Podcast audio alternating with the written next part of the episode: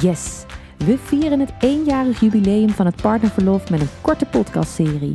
Het partnerverlof is op 1 juli 2020 ingegaan. Van zwangerschap tot kraamtijd ligt nog altijd veel verantwoordelijkheid bij vrouwen. En dat mag nu wel eens anders. Met als startschot dus het aanvullend partnerverlof. In het al dan niet aanstaand ouderschap valt nog veel winst te behalen, vinden wij van Dr. Mama.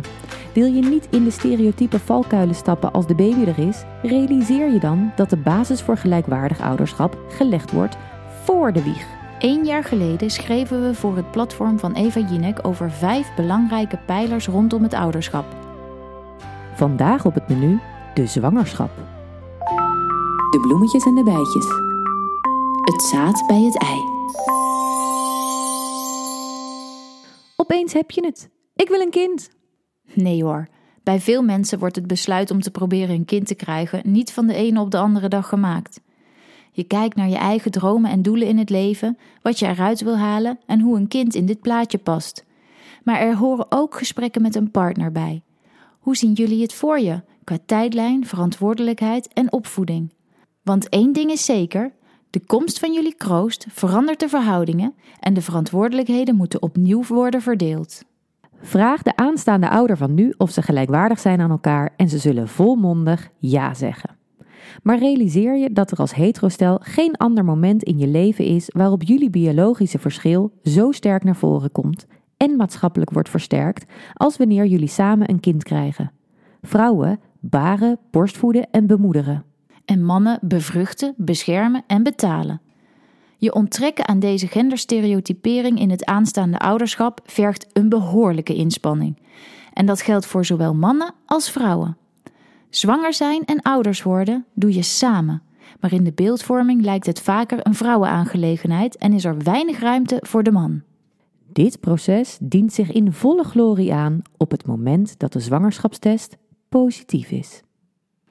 In veel culturen wordt moederschap als het ultieme doel gezien, het hoogst haalbare voor een vrouw. Deze verwachting wordt er bij meisjes met de paplepel ingegoten. Niet altijd in woorden, maar vaak genoeg in gebaren. Meisjes krijgen poppen voorgeschoteld als speelgoed, kinderwagens en keukentjes. En we leren dat verzorgende eigenschappen vrouwelijk zijn. Dat zie je terug in de zogenaamde softe beroepen, zoals in het onderwijs en de zorg. Op die manier internaliseren veel meisjes wat de maatschappij van hen verwacht en zullen zij zich daar ook naar gaan gedragen.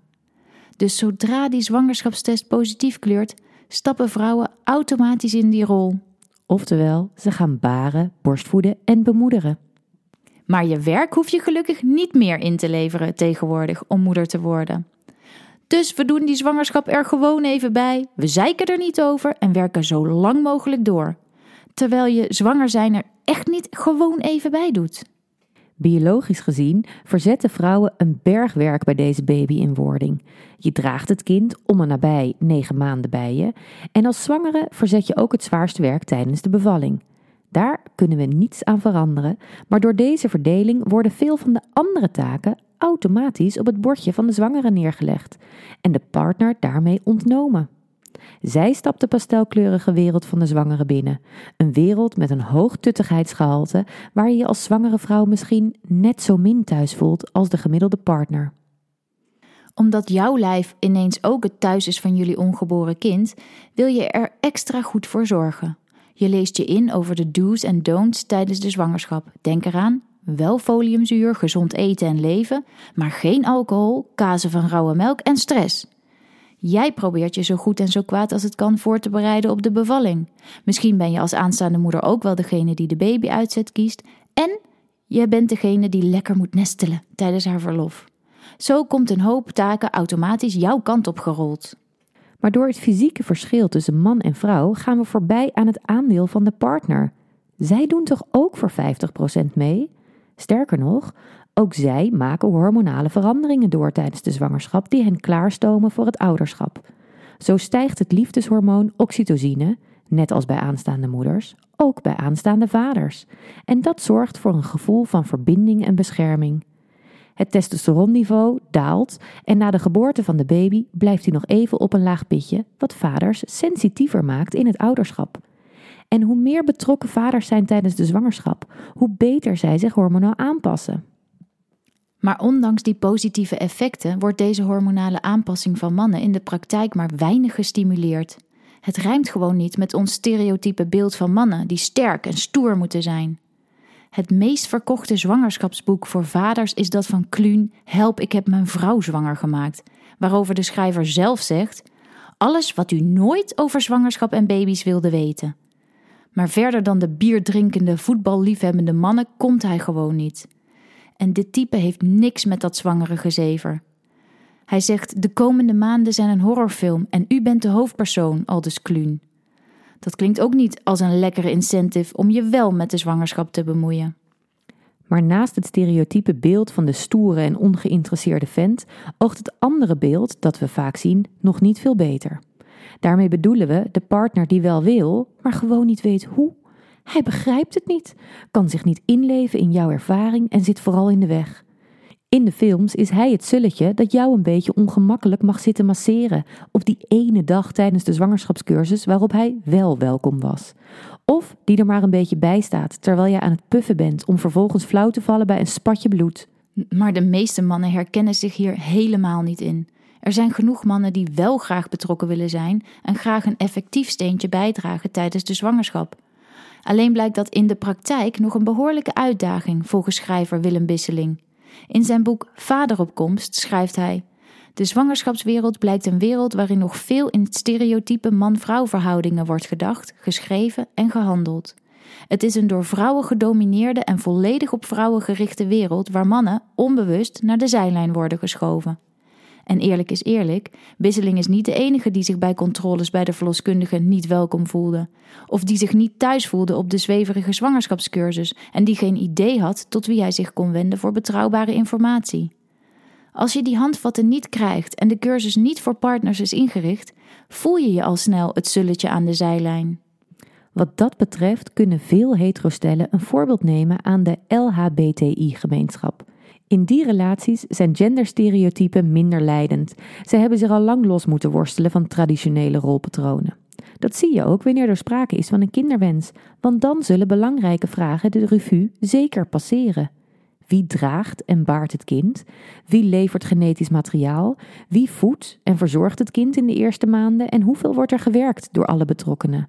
Door over al deze vragen op de voorhand na te denken, maak je de verdeling die is toegespitst op ieders kwaliteiten en wensen. En je denkt ook na over de gelijkwaardige rol die alle ouders kunnen spelen in de hechting met hun baby. Zo kreeg Marijn, een goede vriend van mij, een zoontje samen met zijn partner en een vriendin.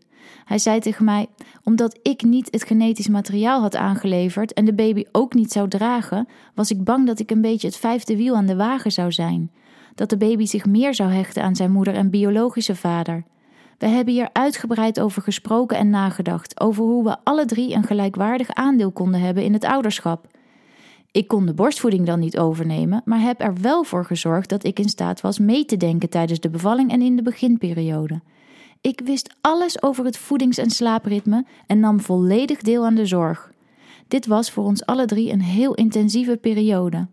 Niet per se makkelijk en ook niet altijd leuk, maar ik kan u wel zeggen dat dat zijn vruchten heeft afgeworpen. Wij voelen ons alle drie volledig zijn ouders en Willem is net zo aanhankelijk naar mij als naar zijn andere twee ouders. Anders dan je afvragen in welke pasteltint je de babykamer gaat schilderen, welke kinderwagen het best is en wat je aantrekt tijdens de bevalling, zijn dit toch meer de vragen die echt van belang zijn. Hoe verdelen wij de zorg gelijkwaardig, al tijdens de zwangerschap, de geboorte en daarna? Hoe zorgen we voor een gelijke kans op goede hechting met de baby? Zeker wanneer één van de ouders borstvoeding geeft en het verlof voor haar rekening neemt. Hoe verdelen jullie de arbeid en de zorgtaken verder? Dat is misschien minder leuk dan de babyuitzet uitzoeken, maar wel essentieel. Zolang de cultuuromslag voor betrokken vaderschap nog onvoldoende komt vanuit de overheid, werkgevers, zorg- en onderwijsinstellingen, zullen jullie als ouders zelf actief moeten inzetten. Door ook echt verlof op te nemen bijvoorbeeld. Want sinds 1 juli 2020 heb je als partner recht op 5 werkweken verlof. Als man kan je misschien niet baren of borstvoeden, maar de moeder is niet heilig.